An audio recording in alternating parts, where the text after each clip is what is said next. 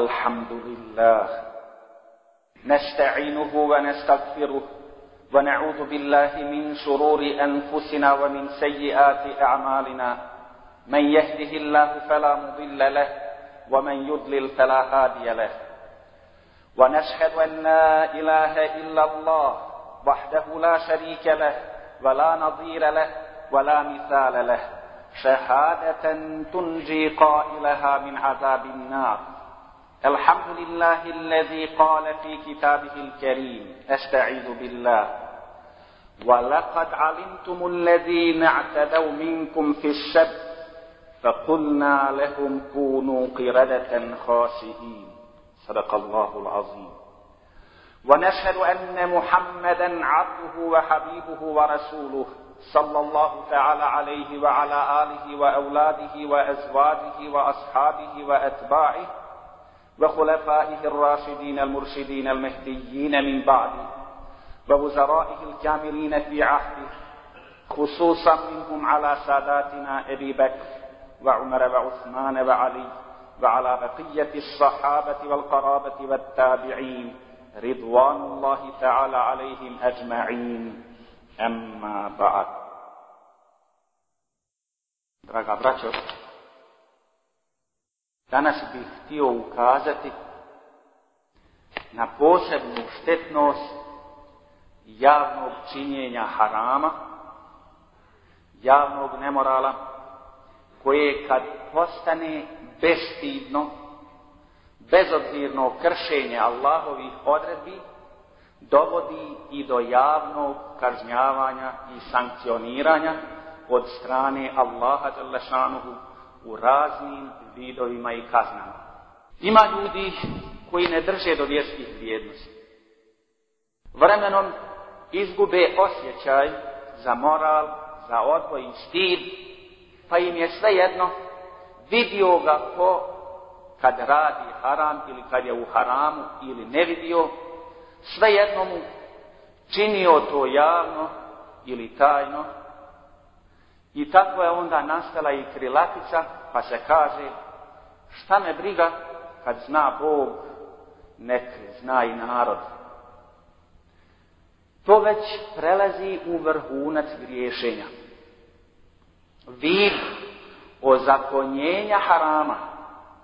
Naime, nije isto činiti haram i kajati se, ili činiti haram i ponositi se time, isticati to. Ranije se mnogi prestupnici krili ili suzdržavali pred starim ljudima,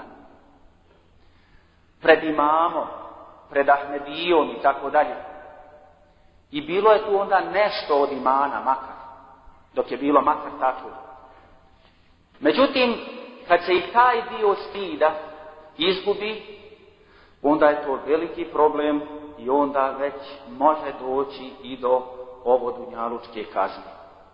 Bilježe hadijski autoriteti, dakle Ibn Mađe, Behekija, Bezad i drugi, od Ibn Omara, radijallahu an, a Hakim od Burejde, vjerodostojno predanje po na muslima, a u kojem se kaže Akmel alejna Rasulullah sallallahu alaihi wa sallam qal ja al muhajirin, Kaže, došao nam je Allahov poslanik, sallallahu alaihi ve sellem, i rekao, muhađiri, hamsu hisali, izeptulitum bihinne, va e'udu billahi en tudrikuhun, sa pet svojstava, ako vam se nađu, bit ćete iskušani, a ja se utječem Allahu lešanu, moleći ga da vi to ne dočekate. Pa onda pobrojava koji su to pet svojstava. Prvo, لن يظهر الفاحشة في قوم قط حتى يعلنوا بها إلا فشى فيهم الطاعون والأوجاع التي لم تكن مضت في أسلافهم الذين نضوا. Nikada se neće pojaviti razvrat u nekom narodu koji ga bude javno činio, a da se paralelno s tim ne pojave kuga i nove zarazne bolesti potpuno nepoznate prošlim generacijama. U verziji ovoga predanja hadisa koje bilježi Malik rahimahullah navodi se Vela peše zina fi illa kesure meut. Niti će se proširiti zinalu, prostitucija, jel? U nekom narodu, a da se paralelno s tim ne proširi i poveća smrtnost. Razvrat koji je spomenut u ovome hadisu. Islamski učenjaci su prokomentirali prostitucijom, homoseksualizmom i drugim vidovima perverzije koji se počnu javno, ovako bez ikakvog stida, na ulici i bestidno upražnjavati. A javno upražnjavanje zabranjenih radnji povlači kolektivnu ovo svjetsku dunjalučku sankciju, kao što to Kur'an Azimu obavještava u primjerima ranijih naroda.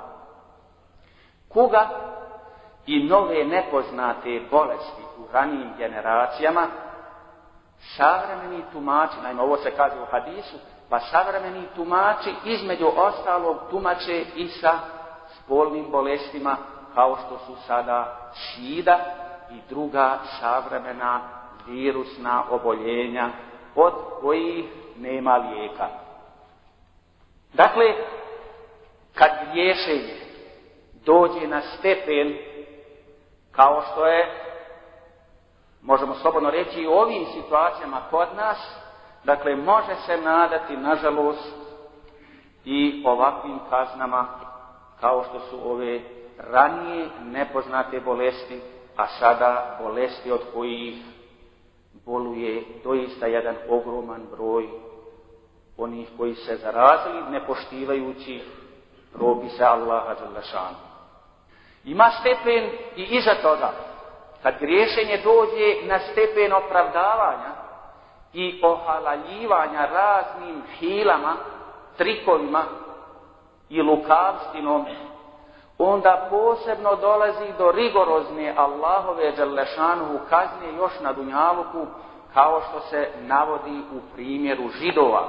Naime, bila je pokušaj nadmudrivanja Allaha Đerlešanu i izigravanje njegovim propisima što se jeli egzemplarno ili drakonski kažnjava i to se ostvaruje odmah na Dunjaluku. U Kur'anu se navodi primjer židova koji su se služili trikovima u pokušaju preinačavanja prirode zabranjenih dijela, pa su zbog toga kaznili najstrašnijom kaznom. Naime, u Koranu se kaže, jasta'idhu billah, وَلَقَدْ عَلِمْتُمُ الَّذِينَ عَتَدَوْ مِنْكُمْ فِي السَّبْتِ فَقُلْنَا لَهُمْ كُونُوا قِرَدَةً خَاسِدِينَ Vama je poznato ono što se dogodilo onima od vas koji su se o subotu ogriješili, kao i to da smo im mi rekli budite majmuni prezredni. Iz tumačenja, tefsira, hermeneutike Kur'ana ili ovoga ajeta, saznajemo da su židovi odbili dan džume kao odabrani praznični dan, tražeći umjesto džume da to bude subota. A petak je inače bio obavezan praznični dan za sve narode prije židova, a također i za muslimane poslije židova. Jer eh, pošto su oni odbili petak, insistirajući da praznik bude subotom, onda ih je Allah Đalešanu kaznio nečim što im je inače dozvoljeno. To jest zabranom lova i jedenja ribe na dan svetkovanja. Međutim, jata velikih riba i kitovi Allahovom odredbom dolazili su do obale samo subotom. Dakle, ribe je bilo u izobilju odabranim neradnim danom kada je židovima bilo zabranjeno loviti i jesti ribu. A drugim radnim danima kada su smjeli loviti ribu, nije nije bilo ni za vijeka jer se ona povlačila nekuda na pučinu, jednostavno je više nisu ni viđali do sljedeće subote. U Koranu se kaže Estaizu billah vas'alhum anil qaryati allati kanat hafirat al-bahr iz ya'tuna fi sabti iz ta'tihim hitanuhum yawma sabtihim shur'an wa yawma la yasbituna la ta'tihim kadhalika nabluhum bima kanu yasukun i upitaj ih o gradu koji se nalazio pored mora kad su propise o suboti kršili. Kad su im ribe na oči njihove dolazile dok su subotu svetkovali, a kad nisu svetkovali, one im nisu dolazile. Eto, tako smo ih u iskušenje dovodili zato što su stalno, stalno griješili. I na koncu nisu izdržali iskušenje, pa su počeli pojedinačno smišljati trikove, lukavštine, kako da zadrže i love ribu subotom, a da u isto vrijeme pokušaju izbjeći skrnavljenje zabrne lova. Praktično je to započelo u naselju Medjena, kada je neki čovjek ulovio kita subotom, svezao ga za kolac, poboden na obali, a zatim pustio u more, u vodu. U nedjelju ga je izvadio i ispržio. Međutim, naravno da to nije mogao sakriti od drugih, komšiluk je jeli, osjetio mir ispržene ribe i taj trik se otkrio. Tako su i ostali počeli sa istim poslom tajno i to je trajalo jedno vrijeme.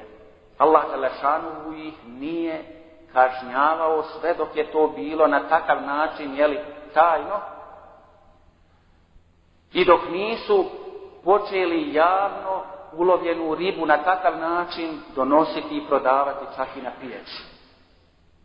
Neki od njih se poslužio i još originalnim trikom, pa je prokopao kanal na obali, jarak jedan, a na kraju njegovom napravio jednu jeli, rupu veću, pa kada bi kitovi, odnosno ribe, dolazili nošani plimom, u povratu kada bi se voda vraćala tim jarkom, oni više ne bi mogli iz te rupe i ostajali su zarobljeni, pa su ih oni vadili nedjeljom i na takav način pokušavali izigrati propis.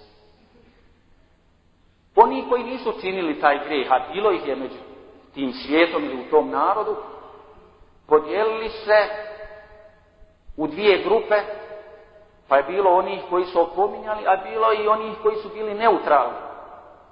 Kako to je li Kur'an inače bilježi i kaže, a kad neki od njih rekoše, zašto pominjete narod koji će Allah uništiti ili ga teškim mukama namučiti, oni odgovoriše, da bismo se pred gospodarom vašim opravdali i da bi se oni grijeha klonili.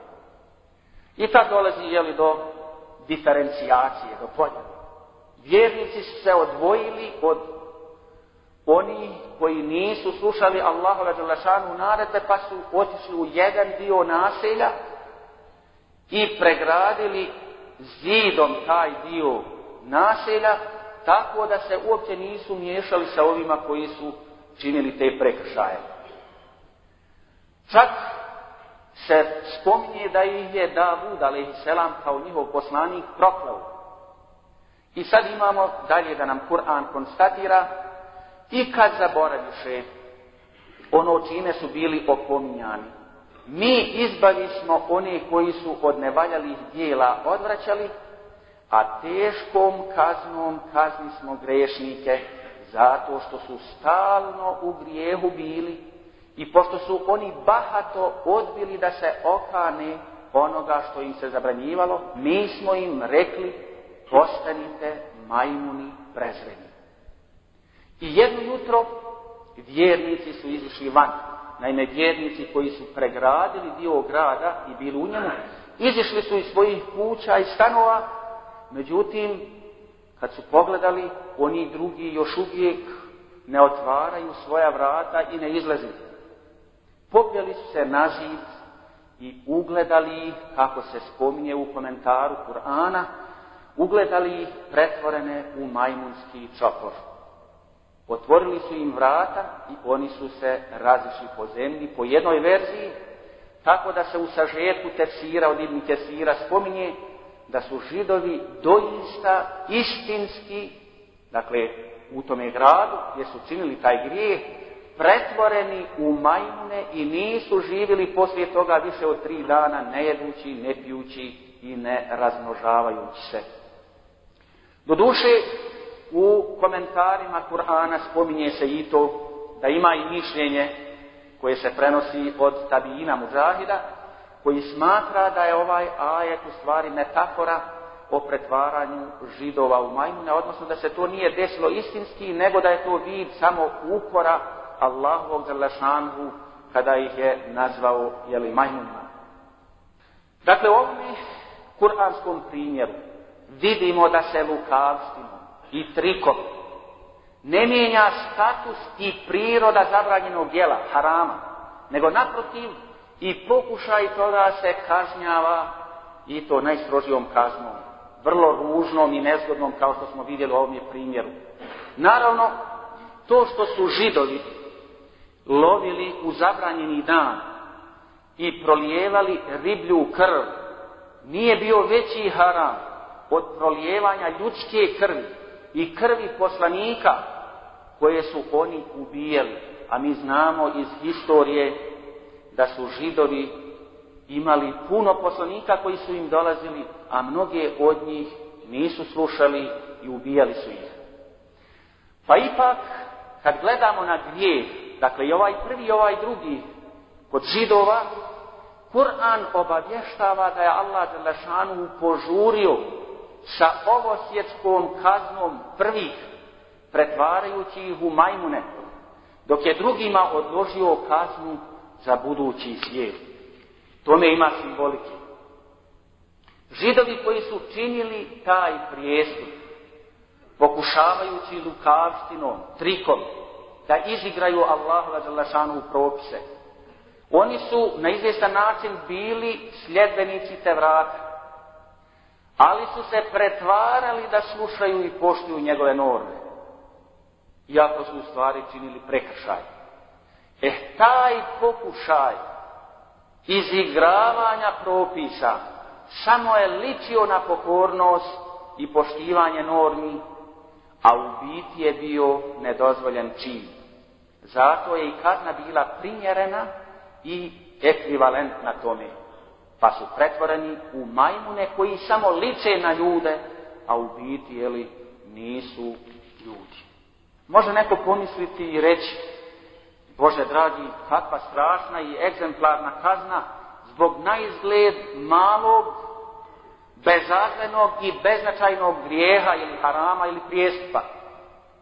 Međutim, braćo, pogledajmo malo kakve razvorne posljedice može imati taj njihov najizgled mali grijeh, bezvezni grijeh, to jest taj njihov odnos prema Allahovoj želešenu zabrani, kada pokušavaju takozvanom hilu ili lukavstinom ili trikom pretvoriti nešto što je veliki grijeh u dopušteno i dozvoljeno. Pa da to pokušamo objasniti na našem primjeru. Na našem primjeru iz rata. Pošto nam je to, ili pošto nam je još uvijek sjećanje svježe na rat. Pokušajmo to objasniti primjerom takozvanih zaštićenih zona od strane međunarodne zajednice. Pa da vas podsjetim, poznato je da su zajedničkom podlukom SAD-a ili Amerike, pa Rusije, Engleske, Francuske i Španije, čiji su se predstavnici sastali u Washingtonu 22. maja 1993. godine, bilo je predviđeno da se od šest opoljenih gradova, a to su Sarajevo, Tuzla, Žepa, Gorazde, Srebrenica i Bihać, da se formiraju takozvane zaštićene zone i da ih mirovne snage štite od četnika. To je bilo za javnost. Međutim, zaštićena zona nije bila ništa drugo nego klopka za muslimane. Zaštićena zona je u stvari trebala da olakša četnicima ulazak u te zone i njihovo zauzimanje. I tako se i desilo u žet, kao što znate, i u Srebrenici. A čuvari mirovne zone pustili su Srbe da uđu u Srebrenicu, bili su to jel? Jedna izbjegla muslimanka u, poslije u Tuzlu priča, pripovijeda, kaže, sklonili smo se kod Holanđana. Njihova je dužnost, jel, bila da nas štite. Oni su nam stalno govorili nema problema, nema problema, no problem, no problem. Međutim, četnici su pred njihovim očima uzimali i odvodili žrtve, dok je njihov komadant sa generalom Mladićem sjedio, pio, nazdravljao i čak se slikao. I doista nije bilo problema. Kako će biti problema? jer se plan izvršava onako kako su ga zacrtali. Što bi bilo problema? E braćo, ko je osmislio ovu klopku? Ko je prvi predložio taj trik i tu lukavstvu protiv muslimana? Bio je to braćo Morton Abramović, Židom. američki diplomata i strateg dupli agent američke cije i izraelskog Mosara. Zato nije ništa čudno. Gdje god čudne za stradanja muslimana, obično su tu umješani židovsko-masonski prsti. Ako hoćete da se malo vratimo, i to u ne tako daleku prošlost, 1980. godine, Milošević je u svojstvu direktora Beogradske banke, još nije bio niko i ništa gotovo, često je posjećivao Ameriku i šastajao se sa Davidom Rockefellerom, židovom, jednim od najbogatijih ljudi na svijetu, vlasnikom najvećih naftnih i bankarskih trustova u Americi. 83. godine Beogradska banka se obavezuje da će financirati proizvodnju zastavljenih vozila, posebno juge. A prodaja ide preko američkog ambasadora Igelberga u Ameriku. 1988. u Americi na predsjedničkim izborima, kao što znate, pobjeđuje Bush. Ključna mjesta njegove administracije dobijaju ljudi iz grupe Henrya Kissingera, židova također, porijeklom iz Njemačke iz koje je njegova porodica izbjegla ili emigrirala još 38. Prvi put u historiji SAD-a, Amerike, dakle, jedan čovjek je držao dvije vrlo, vrlo važne funkcije zajedno, a bio je to Henry Kissinger koji je imao važnu funkciju u ministarstvu vanjskih poslova, imao je funkciju savjetnika za međunarodnu bezvrijednost. A njegovom naredbom ranije u ratu između Arapa i Izraela 73. godine on je naredio isporuku ogromne količine oružja Izraelu. E taj isti je 82. osnovao jednu asocijaciju koja je okupljala ključna imena iz židovskog masonskog udruženja. I ti Kissingerovi masoni, od kojih je Igelberger, taj Milošević jaram, jel? Ili prijatelj, imali su zadatak da od Miloševića, koji je tada bio direktor Beogradske banke, da ga pomognu financijski, pa ako treba i strateški, da dođe na vlast. I doista to su učinili. Pomagali su ga iz fonda jednog na, nad kojim je jel imao ovlasti Kissinger, a s njim je raspolagao Berger koji je imao milijarde dolara, a to je bio fond formiran prema zakonu o podržavanju demokracije. Za njih je Milošević bio demokrata. Naime, za jeli, židove koji su znamo historijski najveći neprijatelji muslimana. Zato ne čudi kada je i pred rat pročitate u novinama o nekakvim privrednim delegacijama iz Srbije koje su išle po 300 nekakvih privrednika ode u Izrael.